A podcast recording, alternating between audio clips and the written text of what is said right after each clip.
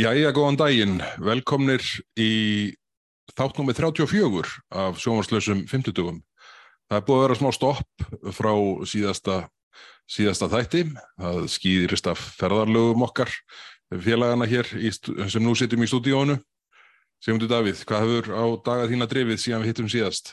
Já, komið þið sælir hlustendur góðir og afsakið fjárveru okkar sem stóð lengur en uh, ráða fyrir gert en ég fór til útlanda uh, í tilefni af 75 ára afmæli fóraldra minna hvað sem seg og uh, 50 ára brúköps afmælis. Fór meðalans til Rómar. Ég hef aldrei komið til Rómar áður en þetta var áhugaverð borg. Það voru mörg falli hús þarna og svo er þetta að sjá rústir frá því gamla dag ég sá einhvað Þú nú verið hrifin að þeim. já, meðalans einhvað sem hafi verið svona Varstu þarna á sama tíma maðurinn sem var að krota nafn kærustunnar á, var það ekki í Colosseum? Jú, jú, ég fór í mitt ángað, ég, var, ég held ég að vera rétt áðun að þessi mætti, en ég tók eins verið eftir því að það var búið að krota út alla veggina á það, Mm. en þessi, þessi uh, var annarkvort að vitlaðis eða óheppin að, að, að það fór á, á netið þar sem hann var að gera af sér hann. Svo var hann var um leið hataðist í maður Ítalíu. Já, nefnmitt. En þetta var ljómandi skemmtilegt og uh, maður gæti séð eitt og annað fallegt og gamalt. Róm hefur varðvist til dælu mikið betur heldur en borgin sem ég er komin til núna. En um, við, við fórum, fórum víðar og, og það var bara ljómandi fínt en uh, var til þess að við mistum af þætti hérna og það hefur ímislegt gengið á í millitíðinni, hefur mér sínist svona þegar maður komst í netsamband og, og kikti á fréttamiðla eða samfélagsmiðla, þá sér maður að það hefur bara allt verið á öðrum endanum, ekki bara reyndar hér á Íslandi heldur og alþjóða vettvangi líka. Íslandsbankamálið uh, sprakk aldeiris út aftur kvalviðarnar og deilur í ríkistjórnum það og, og deilur í ríkistjórninu mútlendingamál og, og sitt hvað fleira. Hvernig, hvernig hafa hlutinu gengið fyrir sig hérna Bergþóra með, með að maður rétt skrap frá Nú þetta er bara eins og þú lýsir búið að vera meira og minn allt í hershöndum síðustu tvær vikurnar eða svo. Og, og það er nú eins og oft vil vera að þegar þú bregður þér á bæ þá fer allt í handaskól. Og það, hérna, það er bara spurning hvar við byrjum. Ef við ekki að byrja á Íslandsbanka? Það er nú svona uh, uh, uh, mesta aksjóni næst í tíma og, og ekki búið enn. Svona enn frekari frétt að vænt- að vænta á næstu dögum umfram það sem þegar er orðið. Já, það er að vanta all af því máli sem mun koma í ljós held ég á næstu dögum en, en byrjum að fara yfir gangmála til þessa.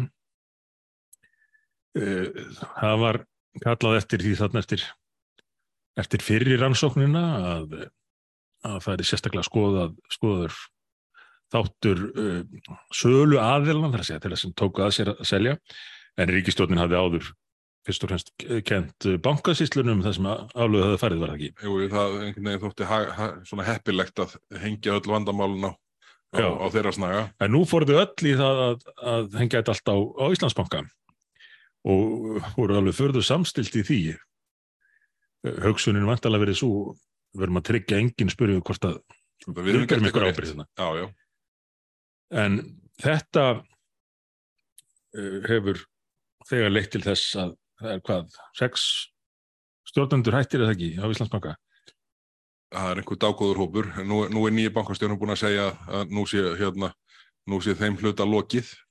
Já, ég, ég, sko, ég er ekki aðstöð til að eh, dæma um þátt hvers og eins í þessu máli. Ég er, skal viðkynna það, ég er ekki búin að lesa allar hundrað síðunar, en uh, þetta er kannski dálítið til áminningum það að fyrirtæki eiga að einbeita sér að því að veita góða þjónustu, að góða vöru, uh, á góðu verði, gegna sínu hlutverki þannig frekar en að gleyma sér í pólitík og því að, að reyna að búa sér til einhverja ímynd og stjórna samfélagin eins og ég held að sé ótt að segja að Íslandsbanki hafa aðeins dottið í á meðan hann glemta að fylgjast með, með grunnstarfsemni hjá sér og, og sínum inn, innri ferlum. En er ekki einmitt, sko, er, er þetta ekki kannski svona hluti af því uh, hversu harkaleg viðbröðin eru? Það er að segja sko bankin hefur svona, uh, svona reyðið um á svona dálítið háum hesti, aðstu stjórnunir, hvað svona þessa samfélagslegu þætti varðar. Uh, síðan kemur í ljós að það er allt einhvern veginn mjög brógað já, já. Og, og það er svona hræstnin í því sem að ég hef haft á tilfinningunni að, að, að orsaki svona harðari viðbröð heldur en kannski annars hefði orðið. Já, það, kann að vera að fólk hafi tekið eftir þessari ímyndarsköpun á bankanum og orðið fyrir, vikið, fyrir meiri vonbryðum en ella með hvernig innihaldið var. Þetta er nú einhvað sem við erum oft búin að tala um, annars vegar umbúðunar og hins vegar innihaldið og, já, já.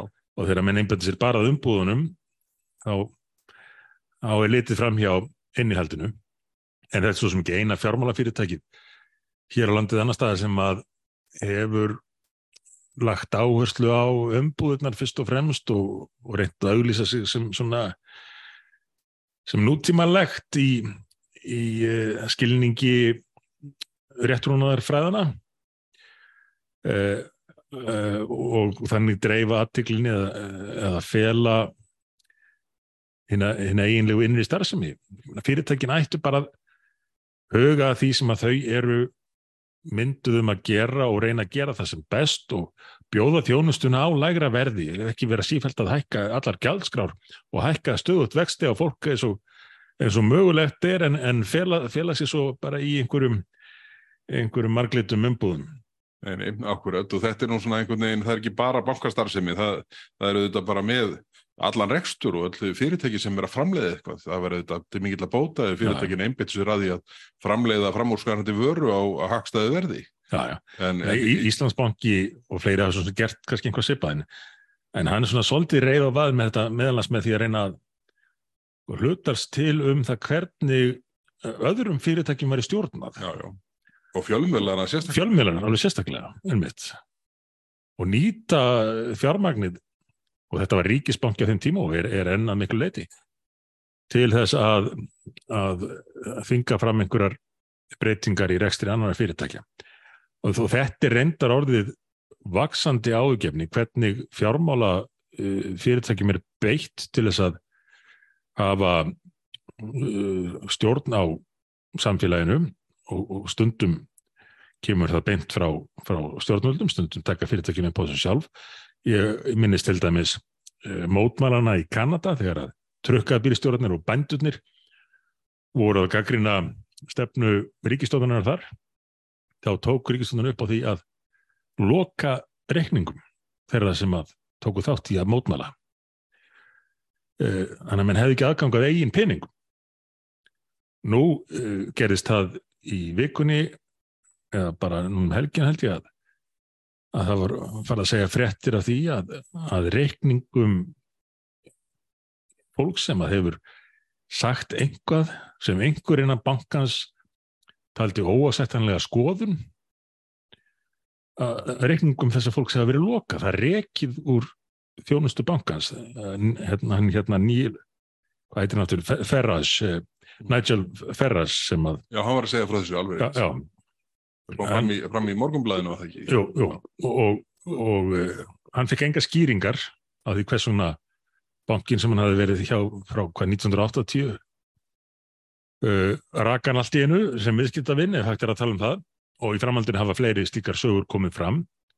Og jábel bara að því að einhver viðskiptavinnur tildekins banka hafi sagt einhvað á samfélagsmiðlum eða gaggrind bankansinn, einhverju leiti þá bara loka á viðkomandi. Og þetta er náttúrulega mjög hættuleg þróun ef að ekki aðeins er verið að innlega alls konar reglur til þess að ég vil beita lögreglunni til að hafa stjórn á því hvað fólk hugsaður og segir að heldur fáðu ekki einu sinni fjármálaþjónustu. Ég tala nú ekki um núna þegar að sumir eru að beita sér fyrir því að, að hægt verða að nota reyðu því.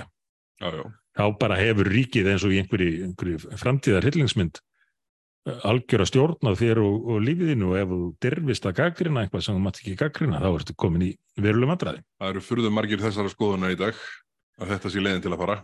Já. En uh, talandum hluti sem að má ekki gaggrina, þá er uh, greinager sem að hefur ekki mátt byrta þó ég hérna uh, ég ætla eiginlega svona þurfum eiginlega að koma afturinn á Íslandsbanka í þættinum okkar á fymtaði næsta Já, það er ég- spurt í næsta þátt Það að er búið að sapnast upp svo mikið Já, í fjárveru minni, afsakið aftur við þurfum að leysa úr því Já, og þannig að við komum aftur á Íslandboka að því að ég held að sé svona, já, einhverju, eh, mögulega einhverja frekari frétta að vænta. Og hérna, en uh, talandi um hluti sem að hérna má ekki tala um eða má ekki sína. Hvar er? Já, eru farnir að kalla Greinagerðin öllu heldur, uh, sett Já. ríkisendur skoðanda. Já, já þetta er þetta er alveg förðulegt og við setjum þetta í samhengi við Íslands bankamálið þá vakti það nú mikla aðtekli þegar að sekt var lögð á bankan með sekt upp á næri 1,2 miljardar króna. En e, það tók fáina daga að býða eftir skýringum á því hversum það, það hefði verið. Og byrti skýslan uh, við erum búin að býða eftir Lindarkvólskýrslunni í mörg ár Já, já, síðan 2018. Já, og en, en nú aftur til upprifjunar, Lindarkvall var félag, ríkisfélag sem að hafði umsjón með með uh, eignir, með eignum sem að uh, föllnu bankarnir hafðu afhent ríkinu sem hluta þessum svo kalluðu stöðuleika framlög og, og námu hundruðu miljardar króna. Íslandsbanki var reyndar eina af þessum eignum. Hann var ekki inn í, inn á, inn í Lindakóli en ímsar aðra regnir voru þar.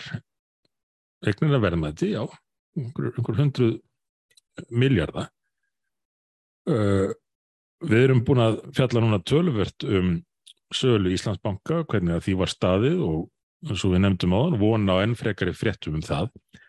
En engar frétti berast að því hvernig farið var með sölu annar regna eins og, Nei, nei, eins og líst er í, í þessari uh, greina gerðum Lindakvól sem ekki hefur fengist byrt þrátt fyrir að höfundur uh, uh, skýslunar hafi sagt að það er byrtana og, þrátt fyrir umbúsmæður alþingis hafi ekki að spurt eftir þessu og, og ég er bara sett ofan í við fjármálaráðandi og allir uh, varafórsetar alþingis og áhörnafulltrúar í fórsetisnefnd eru þessar skoðunar. já, Þannig að það er mikill þingmeiri hluti fyrir því að byrta einmitt, einmitt Þannig að þetta hérna, en það uh, eigum ekki bara, já, það, það lítur að fara að draga til tíðindi í þessum efnum rétt eins og uh, áframhaldandi tíðinda er að, uh, mögulega að venda af Íslandsbankamálunu. já, En síðan er annar mál sem að hérna hefur reynst ríkistjóðinni bísna erfitt sem að sprakk út hér uh, í þar síðustu viku,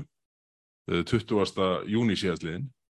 Það er kvalviði bann Svandísa Svávastóttur já, og þetta hefur uh, látið hrykta í, í, stóðum ríkistjóðnarsamstarfsins mjög hressilega þessi ákvörðin ráð hans og auðvitað alveg ótrúlegt svona þegar, þegar hlutir byrja að fljóta upp með hvað hætti staðið var að þessari ákvörðin hjá ráð já, já. það rekst hvart, hvað á annars hotn og, og, og það er ekki bara að, að ákvörðurinn sé kolrángstað gagvart, gagvart uh, hérna, uh, gagvart hérna, stjórnsýslulugum heldur rekur hún hotnin mjög hressilega í stjórnarskrána.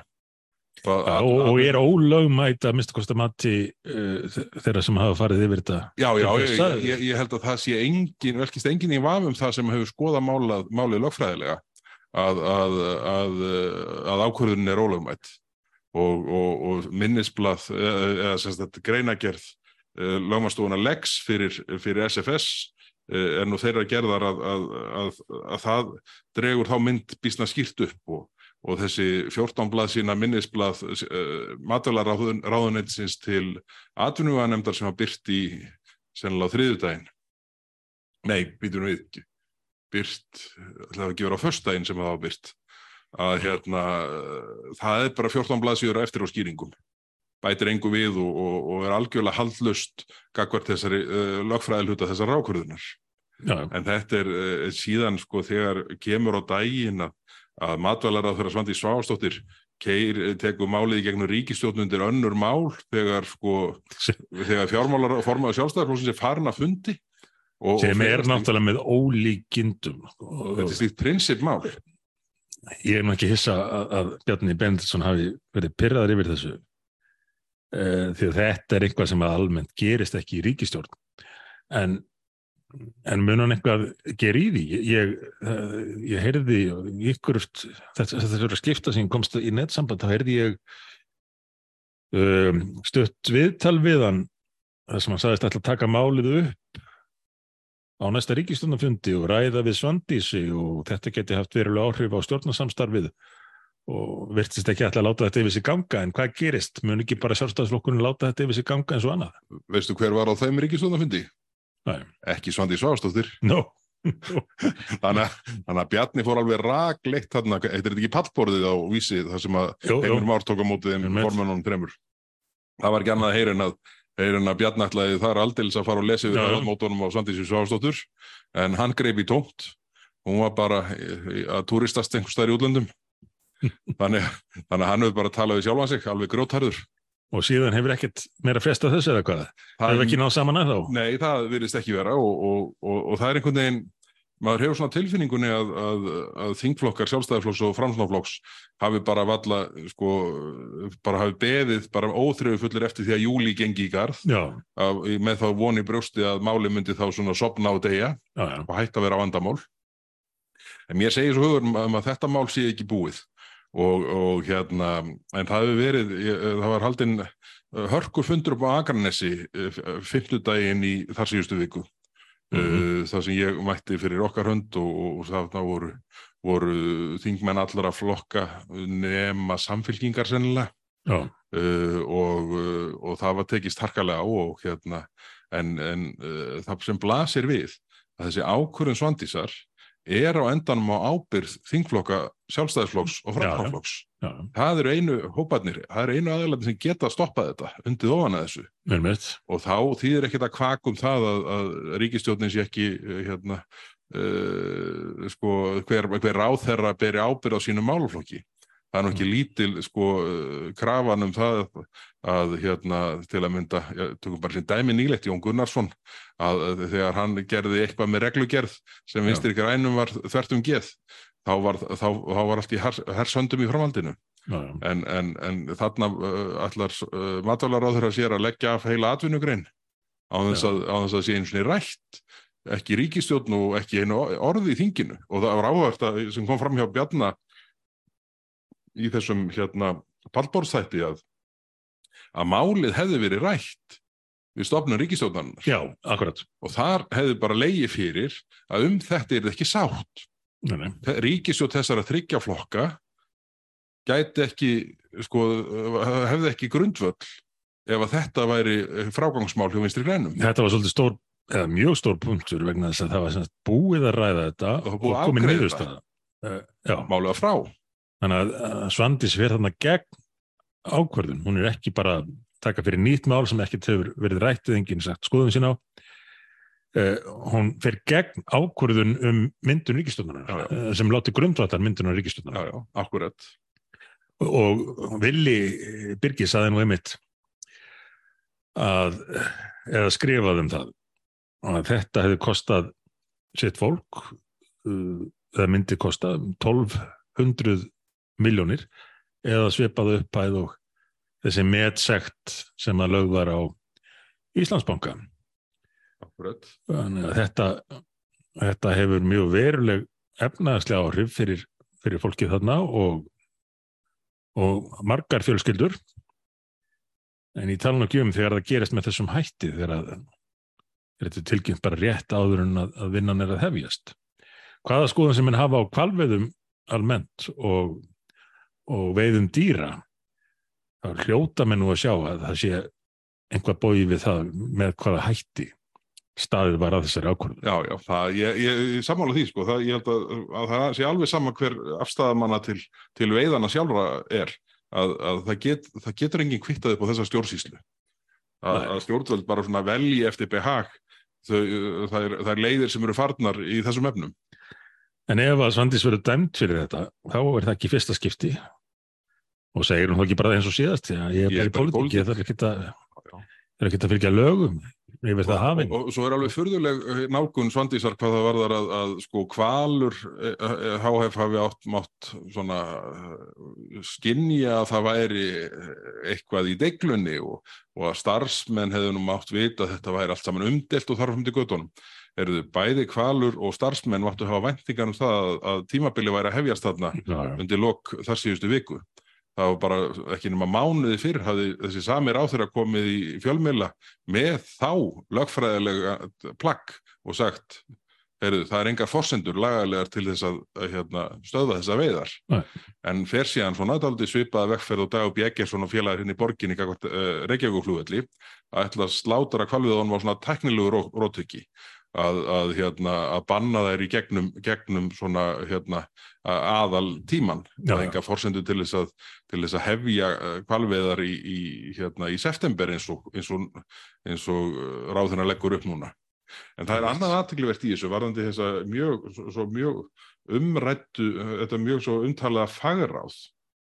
Ég veitti aðtegli hérna, Ólafur Adolfsson skrifaði á Facebook uh, status uh, um, um þessi mál þar sem að hérna, þar sem hann deili fréttin, þar sem við viðtalið Katrínu Jakobsdóttur fórsætsráðura, þar sem hún væntir gagna frá ráðherra. Mm. Og nú er komið fram að gagn, gögn eru væntanleg frá ráðanitinu á morgun þriðudag. Við erum að taka upp á mánundi Já, og ráðaniti, ef ég skilða rétt, er búið að tilkynna það að gögn, undir, eh, sagt, eh, undirbúningsgögn og lögfræði álit og slíkt það sem að fórsettisráður að vísa í þarna í þessari frétt á fórsíðu morgunblassins verðið byrt á morgun þriðudag. Þannig að nú býða menn bara spenntir sko. Þannig að ég reikna nú með að við þurfum að ræða þetta mál aftur í þættinum á fimmtudaginn. En, en það sem ég ætla að nefna varandi þennan status Ólafs Adolfssona sem byrtist fyrir fjóruðum síðan, undir hann skrifar komment og það er nú svona kannski ástæð þess að ég nefni þetta, skrifar Kristinn Hugason. mm. Þar segir Kristinn, uh, varðandi þe- þennan málflutning Svandísar, fráleitt yfirklór, mistúlkun lagana, ekki síst ákvæðisins um fagráðið, sem ég þekki vel, en ég var formaður nefndarnar sem samti lagafrjónvarpið. Nó. Átti hugmyndina um að fagráðið sem ráðgefandi vettvangs fyrir mast fyrst og fremst. Mm. Fyrirmyndin eru fagráð þau sem starfa innan landbúnaðarins. Uh, þetta er þetta, mjög áhugavert að þarna sé formaður nefndarna sem samti lagafrjónvarpið Já, að segja, heyrðu, þetta var ekki hugsunin með þessu fagráði. Bara alls ekki. Fagráðið er bara ráðgefandi ráðgagvart mast og Mm. mast tekur ákvæðanir ef að tilefni er til. Mast hefur ekki tekin einn ákvörðun á grundvöldi þessa, þessa uh, tekja blaðsína uh, texta frá þessu fagráði sem er nú svo, uh, ja, sko eini lögfræði mentaði maðurinn í fagráðinu gerði fyrirvarum niðurstöðuna. Nó, já. Þe- Þetta er nú akkurat málið og, og, og þetta er ekki eina dæmið. Það er verið að koma á einhverjum svona alls konar ráðum og nefndum og, sérfæði hópum og oft eflust í góðum tilgangi. En svo er niðurstaðan jafnan svo að, með þessu eru stjórnmálamennir búinir að taka völd frá kjósundunum, frá almenningi og færa þau annað og eins og í þessu tilviki stundum bara til sinna eigin aktivista af því að í þessu fagráði voru að mér skilist að miklu leiti bara samherjar Svandísa Svavastóttur og minnstri grænað tilbúinir til þess að skila réttri niðurstöðu nema kannski þessi lögfræðimentaði sem hefur átt að segja á því að það menn voru orðnir rækilega rángstæðir já, já, já, akkurat og þetta sé, sjáum við á mörgum sviðum í já, í lofslagsmálunum til dæmis. Ef við ræðum eitthvað um lofslagsráð eða, eða láta það býða býðum aðeins með það, það geti sprungið í loft upp ef við leifum okkar af stað með loftslagsræði sko. við hefum nefnilega eftir að eh, nefna fleiri vandræðamál ríkistónarinnar já, já, já. En, en aðeins til að loka sko kvalveiði hérna málunu já, þá sagði ég nú á fundinum þáttum á Akranesi að þetta er því mesta niðurlæging þingflokks sjálfstæðisflokksins ég my- eh, myndi eftir ef að þetta er því niðurstaðamálsins já, ég held að það sé ekki ofsum sagt ég, ég sá að þú fegst uh, mjög góð viðbröð við, við uh, ræðum þínum þarna á þessum fundi uh, enda talaður að mér sýnist trend út.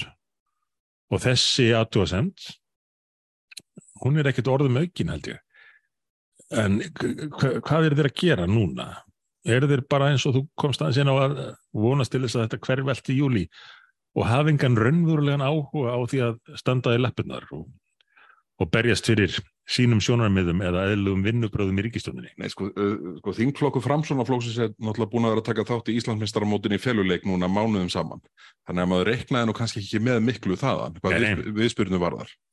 En, Þingflokkur framsóknar býður átekta, eins og sagði Já, hérna í fréttinni. já, já, ég mitt, ég mitt. En, en sko að þingflokkur sjálfstæðisflokksins lippist niður í þessu máli, Já. í svona prinsipmáli. Það sem er bara vegið að stjórnaskráður vörðum atvinnuréttindum og atvinnufrelsi. Það uh, hefði nú einhver tíma þótt saga til næsta bæjar. Já, já, og ef þetta fær að standa svona og gert með þessum hætti, þá getur það haft fordæmi skild upp á framhaldið. Það eru mörg ár síðan að Greenpeace og, og fleiri byrjuðu að, að setja út á fiskveðar almennt, þoskveði til dæmis.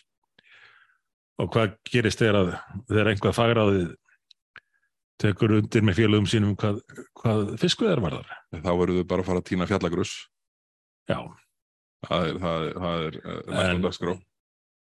Heyrðu, en, en uh, hérna, það er annað sem er búið að vera svona, uh, það er hrygt í stóðum ríkistjórnarsamstafsins út af hæl, eh, málum hælisleitunda já, og það má segja að það byrji þegar uh, hérna á bestastöðum uh, eftir hérna eftir ríkisráðsfundin þegar Guðrún Hafstinsdóttir kemur inn í ríkistjórna fyrir Jón Gunnarsson. Akkurat. þá talar uh, Bjarni Benditsson formaður sjálfstæðarflokksins bara eins og hann hafi komið beint að fundi á miðflokknum. Já, já, en hefur verið alveg lost í þessum málum sko árum saman og bara einmitt. sett miljardan út í tugat til þess að halda öll á floti.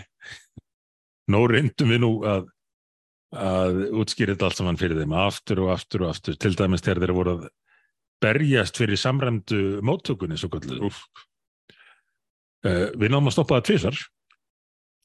Svo kom í þriðaskipti að því að þeir uh, voru greinlega búin að lofa því að keira þetta í gegn og gerðu það af nokkru harðfylgi, þeir eru, eru harðari, þeir eru að berjast fyrir stefnu Vafgi en, en eigin stefnu og við, við spurðum það byrju, ætlið því alvöru að fara að uh, afgreða þetta mál sem að setur Ísland rækilega á kortið sem áfangastað, besta áfangastað fyrir hælisleitundur þið ætlið að tryggja mörg þúsund manns sumu réttindi, sumu þjónustu, sumu greiðslur og við vorum tilbúin að veita 24 að meðaltala á ári fram að þessu, þið ætlið að kera þetta í gegn. Án þess að í gegn litla útlendingamálið ykkar og þeir svo, já, við erum búin að fá tryggingu fyrir því, það fyrir gegn. Yeah right. Þannig að þeir kerið þetta í gegn. Mál sem að við höfum nú nefnt hérna áður í þættunum átt að kosta 24,5 miljónir og við gerum grína því og þá hækkuðu upp, að upp í hvað 41 40,8 miljónir já, mitt Eh, síðast er við skildum við það núna fyrir þinglokk, var það komið svona miljardar líklega, já sko þá var bara, Bara viðbótar- umsýslan. viðbótarkostnaðurinn já, já. á milli ára voru 800 miljónir og ég bara er ekki með grunntöluna sko þannig að það er komið langt yfir miljard Bara- bara á- þetta atriði. já, já, bara þetta atrið, akkurat.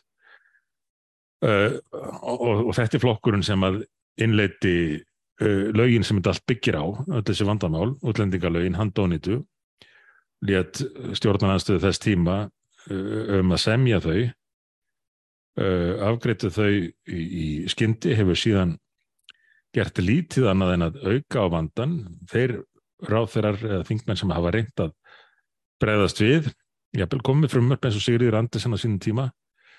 Þeir ná engum framgangi hjá þeim. Sigriður Andersen var sett út úr ríkistjórna kröfu vafki einstæmi hlýtur að vera. Já, já, en nú, nú, já, nú byrtast þeir og segja að staða ágjur af, af málefnum útlendinga og hærisleitenda og vantanlega hefur einhver bentum á að almenningur væri fann að hafa smá ágjur af þessum málum en það er þau fann að hafa gríðarlega áhrif á öllum sviðum samfélagsins. Og þá koma þær hann og segja þetta er ekki nógu gott, við þurfum að gera einhvað í þessu. Við þurfum að fara að huga þessum, þessum málum. En hvað munu þeir gera? Þeir munu ekkert gera í þessu stjórnarsamstarfi. Eh, þeir munu ekki bregðast við á nokkurn hátt í samræmi við tilefnið, þeir munu ekki leggja fram ný útlendingalög þrátt fyrir að vera með dómsmála ráðanetið og hafa verið Það er, bara, það er bara liggur fyrir að frekari breytinga verða ekki gerðar Já, samkvæmt hérna, þannig að þetta, þetta er bara allt einhver svona tala, einhverja svona yfirlýsingar algjörlega úr samhengi við raunveruleikan, það sem að gerst hefur og það sem mun gerast að óbreyttu. Og ég held að Vafgi og, og, og hinnir gerir sér alveg grein fyrir því að þetta sé bara einhverjar svona, sé bara einhverjar yfirlýsingar sem að menn ger ekki neitt með. Enda búið að setja einamannin sem að þó allavega hafði einhvern skilning á vandanum út úr ríkistöndinni Jón Gunnarsson er farinn. Og eh, losuðu sig við Sigrið Andersen um síðustu kostningar já. Brynja Níelsson dottin út af þingi. Það virðist vera Núna Jón Gunnarsson út úr er já, já ég meina, það, það er greinlega bara lífshættulegt svona politist séð að hafa uh, skoðanir sérstaklega skynsamlega skoðanir í, í þingflokki sjálfstæðismanna eins og sagði standa Ég, það rifjaðast nú bara upp fyrir mig núna, það er nú eitt í þessum málum öllum hvað er erfitt að draga fram upplýsingar já, og, hérna, og ég er búin að vera núna í rúma tvo mánuði, í byrja 24. apríl síðastliðin, þannig að fyrir að halli tvo og halva mánuð, að reyna að draga út upplýsingar um þessa samninga sem félagsmálar ráður hafi gert við meðal annars Reykjavík og Borg og fleiri sveitafjölu, ég heldur séu 8, 9, 10, eitthvað svo leið sem er búið að gera við um þessa samrændu móttöku. En það bara, þessar upplýsingar fórst ekki afhentar.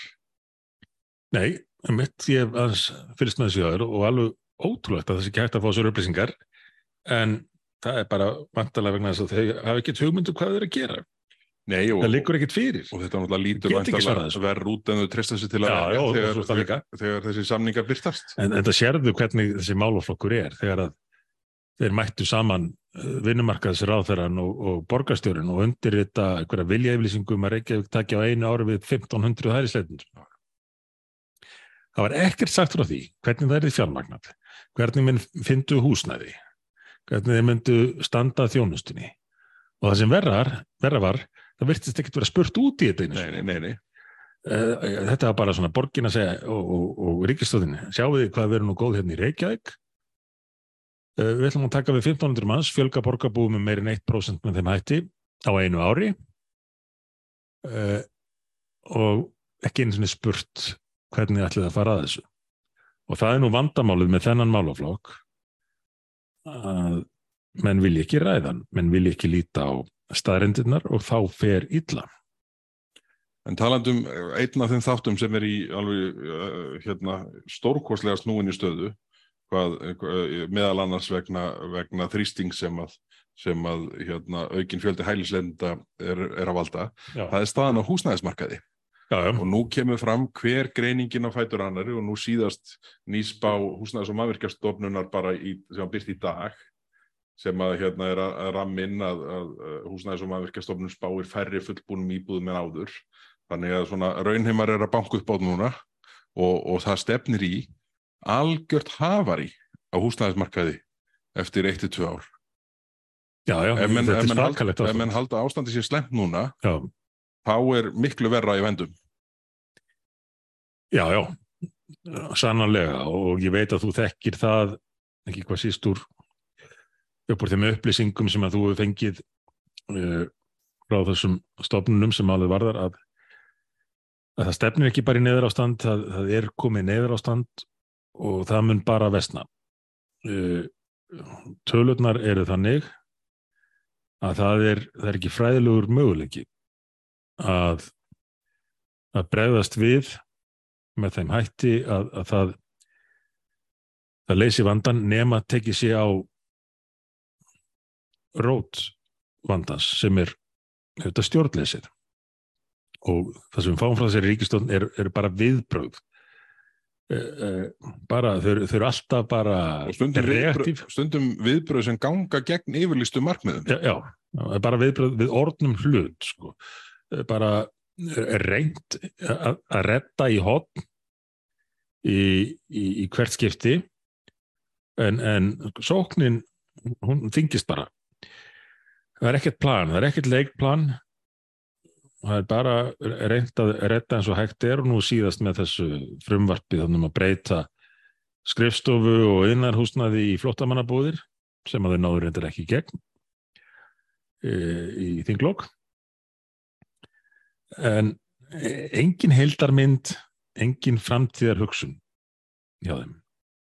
Jú, við fáum svona stöku yfirlýsingar eins og frá fjármálaráþurunum núna eftir ríkisráðsfundin um að þetta væri ekki nógu gott og það þurfti að gera einhvað í þessu uh, heldur að gerast einhvað í þessu í sumar? Nei. Nei. Og það mun ekkert gerast í þessu í haust heldur með, með sömur ríkistöð. Uh, það er í fyrsta lega aldrei brúðist við í tæka tíð. Það er ekkert reynd að hugsa fram í tíman um hverjar afleðingarna verða jafnvel eins augljósar og, og, og þar eru núna. Hvað var það húsnæðismarkaðin, samspil hans við aðra þætti eins og til að mynda uh, uh, útlendingamálinn það er bara hugsaðum að reyna að sitja sem lengst og, og, og, og annarkvort retta í hot með því að nota yðnar húsnaði í einhver tíma eða ja, halda nýja glærusýningu og segja, herðu, við erum að fara að leysa þetta hérna með með 30.000 nýjum íbúðum eða með skjólgörðum. Skjólgarðar fyrir þá sem að fylgjast ekki með eh, með ja, orðmyndunum ríkistofnarinnar, ný, nýjirðum hennar eru svona flottamannabúðir sem þau eru búin að bóða og, og margar og, og fjölmennar. Já. Já, já. Þetta, er, þetta er nú staða sem að maður einhvern veginn hefði ekki, hefði ekki hérna, trúað að myndi teiknast upp í, í ljósi þess hvað húsnæðismálinn og, og svona alvarleg stað og þeim markaði hefur verið til mikillar umræðu lengi. Já, en svo finna menn sér þeirri stöðu að núna uh, er stefnir í að staðan verði verri en nokkur svona fyrir á þeim misserum sem framöndan eru. Ennett. og síðan svona til þess að gleðja íbúa sérstaklega í vestubænum þar sem við erum búið að tróða niður hverjum þjettingareitnum að fætur öðrum Já. þá ákveður hérna, apparati hérna hinum með vonastrætið að hækka bílastæði gjöld með 40% hvaða brjálaði er þetta? Sko, ég, ég er nú náttúrulega bara að koma mér inn í hlutana hérna en þá en Ég hef búin að Hef, hefur þú komið heim? hefur þú náð að lesa allar fréttir sem hafa byrst síðan þú fórst út? Maður hefði veldi fyrir sér þetta hvort að veri betra að búa í, í, í gömlu rústunum í stjórnleysin á Ítalíu heldur en stjórnleysin á Íslandi. Það er þú alltaf betra veður. Já, já, það er búið að vera það. En sko, þess, þetta með bílastæðin. Ég hef búin að lesa aðeins raukstuðningin fyrir þessu. Og það er með talið frá frá einum af ótal hlutnarsittin í borgarstjórn þessum sem er með þætti í ríkisvonarpinu á, á föstaskvöldum sem er alltaf á hjólunum já. Já, frá honum og, og, og fleirum slíkum. Um það að þetta sé bara hitt bestamál Uh, og ég byrja þetta sé bara einhvers konar kapitalismi af því að staðin sé orðin svo eftirsótt. Og þau eru búin að búa til vandamálið. Þau byrjaði að því að búa til vandamálið með því að taka stæði allstar það sem að, sérstaklega það sem að þeirra var mest törf og svo segja þau núna herðu, það er bara svo mikil ásokn í stæði að við þurfum að hækka verðið þau eru orðin ásóknir meiri en, en frambóð á staðin. Þetta er svona alveg vittlust nálgun og þegar orkuveitan þurft að hækka verði á heitavatnina því að, að því að það var, svo, var ekki svo lítið í verður að, að, að notkunni var minni. Jú, jú, alveg rétt, einmitt, einmitt.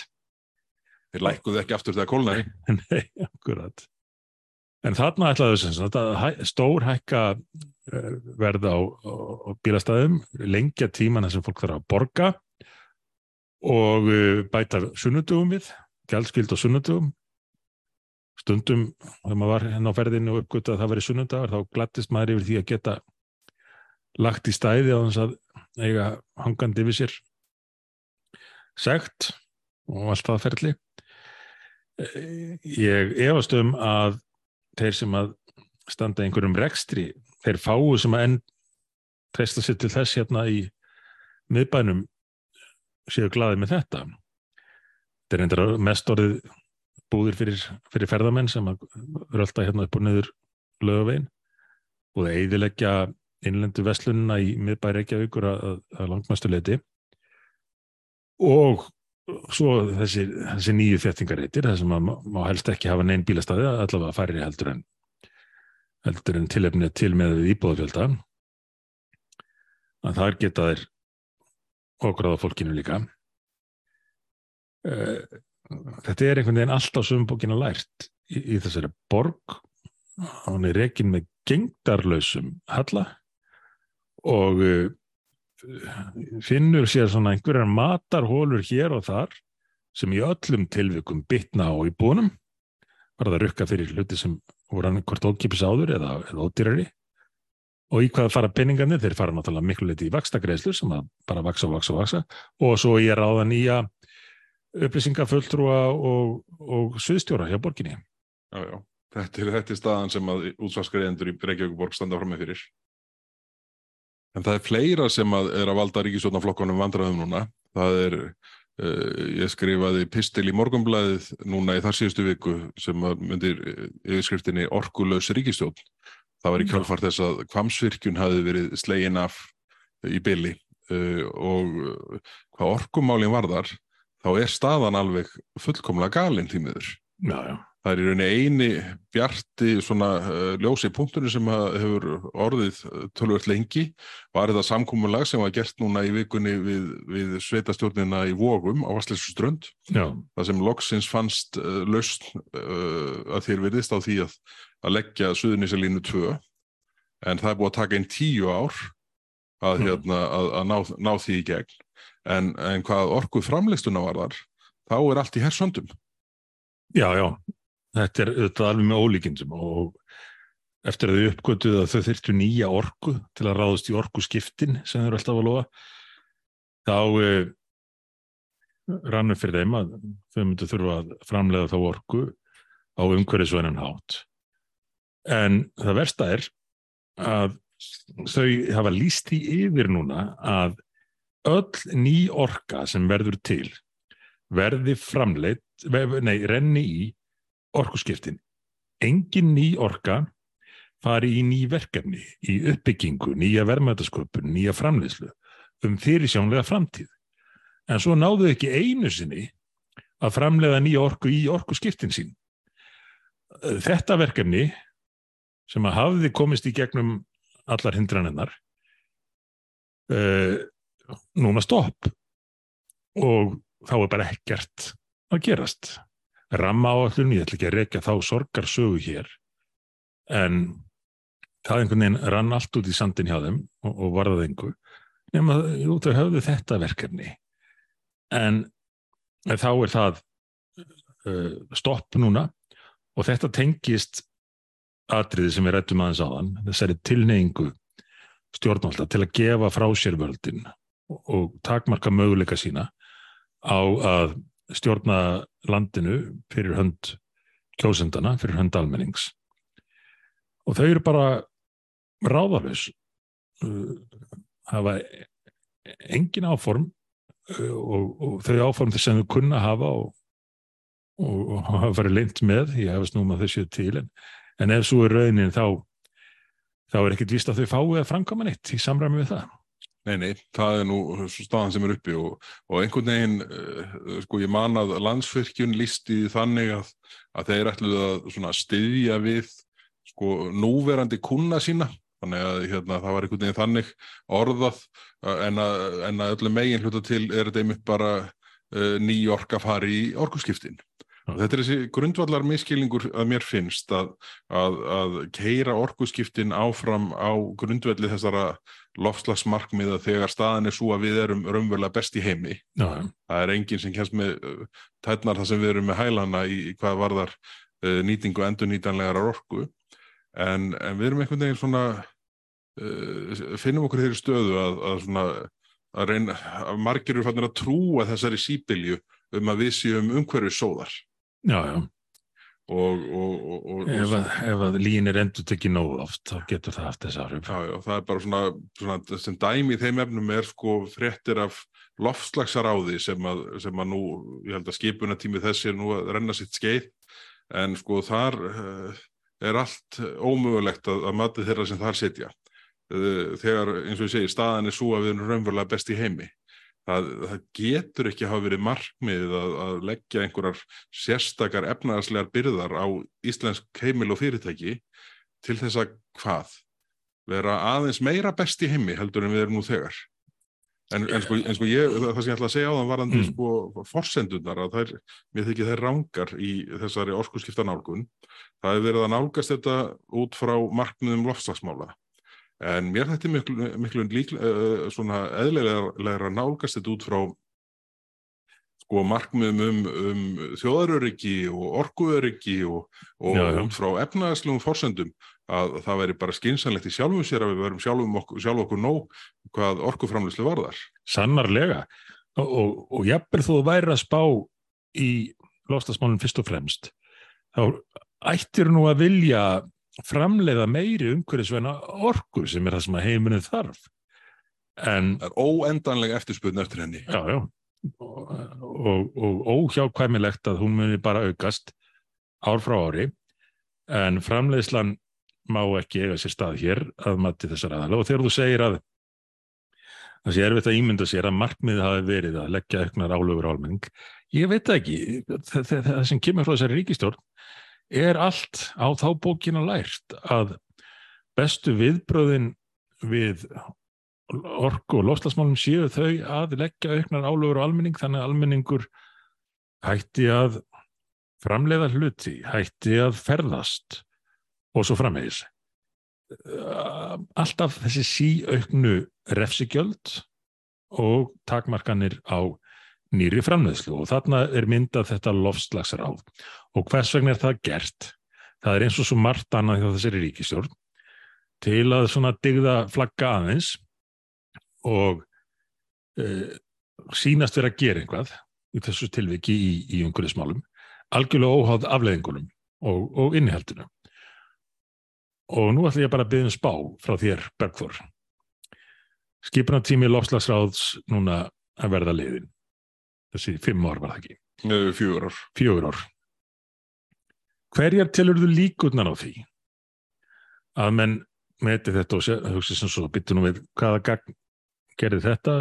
Lósun hefur ekki ekki mingað hér og, og hún hefur aukist, hefur aukist og, og ráðið vil bara enn frekar, frekar takmarka uh, framlegslu og lífsgæði á Íslandi. Og þá bara segjum við þetta gott af þessari tilurinn.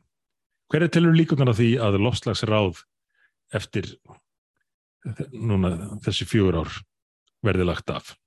Uh, engar. Nei. Sjálfstæðisflokkurinn mun kingja þessu eins og öðru og framsóknarflokkurinn náttúrulega býður átækta eins og í öðrum málum og sér hvað verður ofan á og það verða vinstri grænir með sína stefnu í þessu málaflokki stefnu um samdrátt eh, minni framlegslu, minni verðmættasköpun í landinu, minna frelsi fólks til ferðalaga og annar hluta og aukið valda afsal til einhverja ráða, nefnda, stopnana og svo framvegis það sem að þeir reyndar í mörgum tilveikum eflaust ráða því hverjir uh, skipa þessa hópa til að framfylgja stefnu ofta tíðum vinstri græna. Þetta er svo uh, svona undarlega nálgun, ég opnaði nú bara hérna í tölvunni hjá mér frétt frá 21. júni þar sem við viðtal við Haldur Þorgersson forman láslagsráðs uh, og yfirskriftin er stjórnvöld verða að horfast í augu við raunvöruleikan síðan kemur milli fyrir sögn stjórnsísla loftlagsmála þarf að færast á neyðarstig og stjórnvöld verða að horfast í augu við raunvöruleikan því við blasir að aðgerið þegar í lofslagsmálum hafi ekki skila tilætluðum árangri. Erðu, sko, það er þið ímsa sem mætti að vera á neyðarstígi uh, hér á Íslandi mm. en staða okkar hvað var þar nýtingu hreitnar orku og, og, og allt sem því tengist er ekki eitt af því. Nei, nei. Við erum bara að standa okkur bísna vel og við erum að hætta þessu ruggli Þetta er orðin einhver, sko, ég hef kallað þetta loftlaskirkjuna og, og, og sko aldrei hef ég orðið meira hissa heldur en þegar maður sá sko uh, trúarhópin Kirja þarna á kopp rástefnun út í, út í hérna Sjarmel Seik mm -hmm. uh, í Egiptalandi og þetta er uh, það, það, mér hefur þótt svona vanta bísna mikla raunheimatengingu þarna og, og, og heyrðu, við, við erum að standa okkur hvað best í heimi, ef ekki best. Já, og sko, við eigum alveg ótal tækifæri til að gera enn betur en við skulum gera það á okkar forsendum. Við skulum ekki sko valda fyrirtækjum heimilum stórkostlum skada í einhverju pissukeppnu við sjálf okkur. Þá endur Já. við bara á að pissa okkur.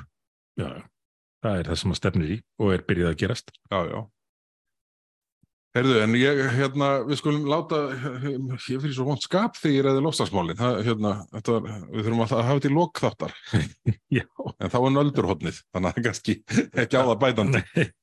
já, við getum, notað það sem upphittun fyrir nöldurhóttnið. Heyrðu, en, en hérna, síðan er mál sem að hérna, var, uh, tók nokkuð svona uh, sköst upp í bara gæraða fyrradag. Það er þetta, þessi nýjirða smíði, það sem hefur verið að leita að nýjum orðum fyrir uh, ömmu og afa, sem eru orð sem hafa gagnast okkur ákveðli í gegnum árhundruðin. Já. Sko, þetta er nú bara meira því sama og við höfum séð tilbörði ríkistjórnarinnar í þessum efnum. Á síðasta kjörtíðanbili uh, bentum við þingmenn miðflokksins á að ríkistjórnin væri að markvist að eigða orðinu móðir út úr uh, lögum og, og frumvarpum sem þau lögðu fram. Það mátti ekki lengur tala um móður. Og svo núna við lók þessa þings þá var afgreitt hér mál það sem mátti ekki tala um konur. Mástu hvað konur eru kallaðir hjá þessari ríkistjórn? Leghafar. Já, það eru leghafandir. Ég heyrði þetta fyrst nefnt hér í þinginu á fundi í efnags- og viðskiptanemnd á síðasta kjörtíðanbili þegar komu einhverjir aktivistar. Uh, ungar stúlkur sem að voru að tala um leghafa í tengslum við, við frumvarp sem að þær voru að tala fyrir. Og menn svona voru ekki alveg vissir við hvað væri átt. Uh, og fannst þetta hálf sérstætt en núna skömmu setna þá er þetta semst orðið, orðið heiti ríkistónunar yfir konur, það eru leghafar og nú er verið að kalla eftir nýjum orðum yfir ömmu og afa uh, Ert þú með tillögu, Beggi? Nei, veistu, Í- ég, er alveg, ég er alveg ren þarna, sko. Já Já ég, Erst þú með eitthvað? ég var að, ég að veltaði fyrir mér en, en ekkert sem að sem ég finnst almennilega að virka fyrir utan það að ég er bara á því að En er þetta ekki bara ágætt eins og þetta er? já, Ég, ég, Eh, líð, mér líður ekki dýla með að standa á gatti, hvað þetta var þar. nei, nei na, fólk vil skipta um kyn og, vera amma frekar en afi þá þá getur að kalla sig ömmu frekar en afa og öfugt Já, já, sendi bara post á, tölvupóst á þjóðskrá. já, já, en, en þetta þarf ekki að vera neitt mikið flóknar en það, ekki nema þú kannski aðhyllist nýjar kenningar um að kynin séu 100 til 200 og kalli öll á En ekki bara ný XX, og XY. já, Já, ég veit ekki hvað þú stendur í því.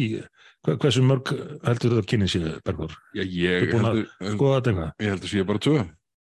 já, Og ég held að sko kynin og fjöldi þeirra sé nú meira líffræði heldur en sálfræði. já, það, og, og þá, ætti þetta að duga að vera með ömmu og afa og já, ég, pappa ég, og ég held það nú. þó að móðir og kona séu ekki lengur talin í lagi sem orð í, í löggjöf þessari ríkistofnar en einhver tíman vantanlega verður verður þetta rifjað upp sem sérstætt tímabil hjá, hjá ríkistjórn sem að hefur verið svo mest vók af öllum í Íslands Já, já, það er ekki einhverju keppni. Já. Og sko hugsaðu þér, miklu meira vók heldur en ríkistjóðin sem var með sko viðreysn og bjarta framtíð já, já. í sínum röðum. þau náðu að toppa það til dæla fljótt sem maður held að það væri svona með sem myndi nú kannski halda Ríkistjóðin, sjálfstæðarflóks, viðreysnar og bjartara framtíðar Mhm. er bara sko íhalds ríkistjóðin við hliðin á þeirri sem við erum með núna. Einmitt. Heyrðu, en, en af sama meiði, það var hérna alveg stór undarleg frétt hérna, það var uh, hugin og munnin hérna í viðskiptablaðinu skrifuð 17. júni á þjóðatíðadaginn uh, um hérna að nú ætti að eyða siðferðilegri óvissu í stjórnarraðinu og ráðuneytið gerir 7 miljón krónar samning við siðfræðistofnun Háskóla Íslands og þarna á að hérna, þarna á að eyða eins og segir hérna siðferðilegri óvissu eitt í stjórnarraðinu og hvað er bara verið að gefa fólki og, og svona apparötum hér og þar penning Já, þetta er vantilega svona sa- svo sami og, og hérna er formaður þessar hérna þessa, þessa fagráðs sem kom með þessa undarlegu kvalveiði já, já. e, greiningu. Þetta gengur allt út á þetta. Og, og vinstri grænir leika lausum hala hvað þetta varðar að búið til vinnu fyrir sitt fólk og útskýra og fá það til útskýra fyrir ekki bara ríkistofninu heldur landsmönnum öllum hvað teljist rétt og ránt í tilverunni. Þó við höfum náðu að stoppa að minnst kosti bíli áfram vinstri græna um, um innrætingar námskeið fyrir alla landsmenn og og um, hattuslörglu til þess að framfylgja vinstri grænu hugafæri allt frá leikskólum að, eh, að öldrunarheimilum hjókunarstofnunum þá, þá er þetta samt gegnum gangandi hjá þeim og fósettis ráðunetti náttúrulega búið að vaksa alveg gríðarlega í tíð ríkistjónarinnar, bæði hvað var þar starfsmannafjölda og ekki síður útgjöld sem að að miklu leiti renna bara í það að, að innleða vinstri græna stefnu fram hjá pólitíkinni, fram hjá kjósundum og kostningum. já, já. Og þetta er láta henni sér bara hafa kunna valla við að andmala jafnvel bara ít undir og, og vilja taka þátt til að vera hvað? Nútíma leir. já, já. Það, það er, er umbúðunar áfram Ekkit, ekkit annað. En þetta er svo þetta er svo niðurdrepandi að hugsa til þess að verður ekki að fara fara yfir einhvað, einhvað jákvæðara alveg þjóðhóðnið. Nei, það er ekki vist að það sé til þess fallið að hessa okkur. færum okkur í alþjóðahotnið Eh, Það gekk ímestlega á, það brennur allt í Fraklandi já. Fyrst var einstags uppreisn í Rúslandi. Hvað við getum sagt um það. Ma- Maður er búin að lesa nokkara greinar um það og, og enginn veit neitt, þannig að það er bara kenningar já, já, út á söður. En nú loga eldar í Fraklandi. Sá reyndar í fréttum bara núna rétt á hann að það hefði aðeins dreigið úr, úr þessu síðustu nótt. En það er bara búið að vera byltingar ástand í Fraklandi með gríðarlegu ofbeldi og eyðileggingu. Ótrúlegt að sjá uh, myndböndin af þessu og lesa tölunar um hversu margir bílar hafa verið brendir, hversu mörg hús hafa verið brend og, og allar vestlanennar sem hafa verið ráðist á og það er tendar. Þannig að það er, það er búið að vera algjört upplösnar og stjórnleysis ástand í Fraklandi. En mönnum verðist vera mjög illa við að ræða innihald málsins og þar á leiðandi illa í stakkbúnir til þess að takast á við það. Manstu eftir hérna þegar við vorum með HM hotnin, Bergþór, heimsmyndstarkefni í fótbolta var í gangi já, já, og, og í einum leikjana þá, þá sigraði Marokko uh, Belgíu sem að voru óvænt úrslit. Uh, Landsliði Marokko stóð sig alveg ótrúlega vel í, keppninni og þeir unnu með annars belga sem að voru taldir og eru kannski enn eitt, eitt besta landslið heims. Og eftir þessa neðustuðu þá verður óerðir í Brussel og víðar í Belgíu og fjölmiðla sögðu frá því að belgar hefði verið svo svektir yfir tapinu gegn Marokko að, að þeir hefðu brúðist við með óerðum og kveikt í bílum og, og brotið rúður og, og, og þarfram til göttunum. Engin þessara fjölmiðla verðist átt að segja því að það voru ekki endilega belgarnir sjálfur í Belgíu sem að voru þarna að, að kveika í bílunum að vegna til að lýsa óanni sinni með tap í leiknum. Það voru stuðningsmenn Marokko já, já, sem var að fagna sigrunum já, með þessum hætti.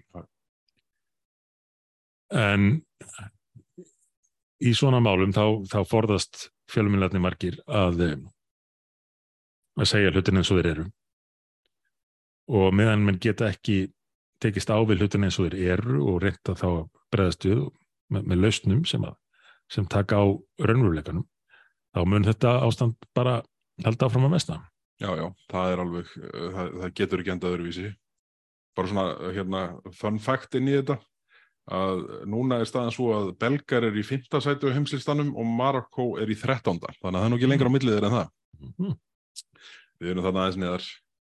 En e, hvað eru við núna? Erum við einhvað byrjuð að vinna okkur upp aftur eða? Já, eitthvað held ég að sé nú sko, en við erum við erum ekki komin held ég inn á topp 100 aftur, jú, fyrir ekki, jú, jú við erum, við erum komin upp í 67 ja. það er nú svona, hérna það er orðið tölvert uh, vorum við ekki komin niður fyrir niður fyrir hérna, lowest ranking 131, það er nú eitthvað lengra síðan en hérna hérna vorum við sko uh, fórum nei, nei, fórum, þetta, þetta er rátt hjá mér. Við erum, hérna, við virðumst ekki hafa farið neðar heldur en í 67 Nei. þannig að við erum eiginlega á eins vondum stað og við höfum, höfum komist á svona í setni tíma setni tíma fótbolltasjóðu en, en, en er KSI núna einhvað byrjað að spá í að vinna þannig að hjá kallalandsliðinu Nei, já eða eru önnur áhuga mál ofar það, maður verður að vona þjálfvarinn og, og strákarnir okkar bara taki taki völdin þarna. En, en sko 2016 þá komst við í 2001. setið sem að allavega með, samkvæmt því sem ég sé hérna á skjánum hjá mér er, er besta staðan. Getur þið séð uh, hvernig leiðið í Ljótu Bræði? Uh, ég skal bara finna það össnögt það er, eru hérna það er náttúrulega eru búin að að vinna góða sigra þó að leikirni núna síðast af ekki allir farið sem maður. Vonast eftir, en það er eins og gengur. Það eru við 15. seti. 15. seti, já. Það er glæsilegt, glæsilegt alveg. Já. Og hérna, bara algjörlega frábært hjá það. Heyrðu, en það er nú kannski ekki beint henging þarna á milli, en ég er með smá nöldurhopp hérna í lokin. Já. Ég, hérna, uh, skaust til Berlínar þar síðustu helgi. Mm Fekk þær fréttir þangað að, að, hérna, að það væri komið mikið magna brúnum brefpokum inn á heimilið og einhver svona plastgrind mm. þar sem maður núna dagana langa nýtur þess að finna svona ilmin af matarleifum sem að býða þarna upp á, upp á eldús, eldús hérna, uh, eldúsinritingunni mm -hmm. Og nú hérna og síðan er búið að komin auka tunna þarna hjá okkur og, og það er auðvitað lang, uh, ja, minnsta hólfið en nú fyrir matarleifarnar en sko hólfið fyrir hérna almenna sorpið, það er náttúrulega bara uh, agnarsmátt finnst mér, mm. en svo er alveg gríðarlega, það er heil tunna fyrir plast og heil tunna fyrir, fyrir pappir, Já. þetta er allt einhver hlutfullin orðin eitthvað rugg sko, en nú verður sótt sorpið til mín á fyrsta, fyrsta geti síðan þessi nýja tunna kom í fyrramálið mm. og ég mun vakta hvort þetta fer ekki örgla allt í sama hólfið og verður þar gröita saman og verður síðan flutt í þessum uh, hérna, gámaflutningum til Svíþjóðar til brenslu það er hættið því. Þetta er komið heima hjá mig líka. Á þetta ekki enda í sjö tunnum eða hvað slíkt? Það er alltaf að ganga um eldúsið lengur að því að frúin er að búa þessu undir þetta alls saman með við ímsa tunnur þarna. Já og svo náttúrulega meirum en öll heimili komið heilan skáp undir fjölnóta burðapókana Já, já, já. Fjölnóta byrðapóka, fulla af fjölnóta byrðapókum já, já. En, en maður þarf að þrýva ruslið eða ekki? Ég er búin að vasku upp þessar hérna, drikjarfernur tölvöld lengi já. það er ekki víst að það gerist aftur í bráð eftir að, eftir að maður fréttaði að þetta væri bara væri orkuframlisli svíþjóð ég sá nú bara hérna á meðan á upptöku stóð að það er frétt á ríkisúttarpinu um, um það heimildir sorpu til að örða í álsnesi renni út núna um áramótin. Og, og stjórnendur hjá Sorpu vonist til þess að fá að örða þar einhvað áfram. En ætla þó að uh, auka útflutning á Sorpi til Svíþjóðurum 43.000 tonn til að leta á örðunni 43.000 tonn á ári, svona til að leta á örðunni hér. Þetta verður flutt með uh, flutningaskipum. Alltaf sé ekki svartólíu brennandi, ég veit það ekki til síðþjóðar og brent þar vantanlega nýtt í orkuframneslu í Svíþjóð. Uh, sem að ætti náttúrulega miklu frekar að gerast bara hér. Miklu betra fyrir umhverju reysa hér hátækni sorgbreyðslustöð eins og þingmann miðflokksins hafa talað fyrir núna í nokkur ár enda er heimlisorp ein umhverjusvænasti umhverjusvænasti orkugjafin af, af jarðefna elsniti og hægt að brenna það með eins umhverjusvænum hætti og náttúrugas Með mjög grófri nálgun þá er þetta vantanlega svona cirka 35 gámar af sorpi í hverri viku allt áriðum kring. Já. Og svo erum við eitthvað kvakum áhugjur á einhverju loft, uh, já. og kólefnisspori. Þetta er auðvitað alveg ótrúlegt sko. Alltaf sé ekki átt í 2000 gámar í heldina. Þetta er, þetta er, að, þetta er alveg ótrúlegt. En það er ekki hægt að það er ekki hægt að nota gámana báða leiðir sko. Af því að eh, getur ekki nota gám sem er fullur af sorpi til að flytja aðrar vörur, skils mér. Það er ekki hægt að flytja inn díór handtöskur í gámi sem að var fullur á sorpi. Nei, það er vist ekki. Ég hef ekki hugsað út í þetta. Þetta, Já. þetta hérna, ja, það er nú hreinlega alveg ótrúlegt ef, ef, að- ef, að- ef, áhrifin doblast vegna, vegna þessa.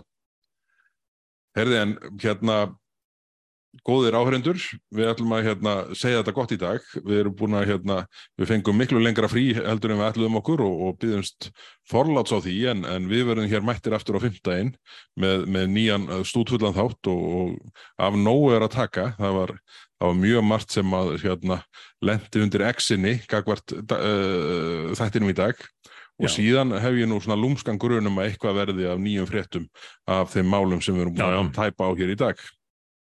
Ég held að megi gera ráð fyrir því. Og áður en að hlustendur byrja aftur að spyrja, já, við tökum upp þráðin það sem frá var horfið og förum að fá gestir, er það ekki? Jú, Við erum búin að gera langan lista af, af óska gestum og við þurfum að fara að tekka á þeim að hverjir eru á landinu og, og til í að, að mæta í júli í, í umræðu þátt en ég held að það verði bæði skemmtilegir og fróð- fróðlegir þættir þegar við fyrum að vinna á þeim lista. það hefur gengið jafn pratt á þessa lista, gestalista okkar nýlega eins og hefur gengið á bygglista ríkistjórnarinnar. Já. En við lofum raunverulega bót og betrun í þeim efnu. Akkurat, Herriði, kæru áhörendur, takk fyrir uh, í dag og hérna við heyrumst aftur á fimmtægin. Við þökkum fyrir hér í þessum 34. þætti sjónslösa fymta og segjum það gott í dag. Bless, bless. bless.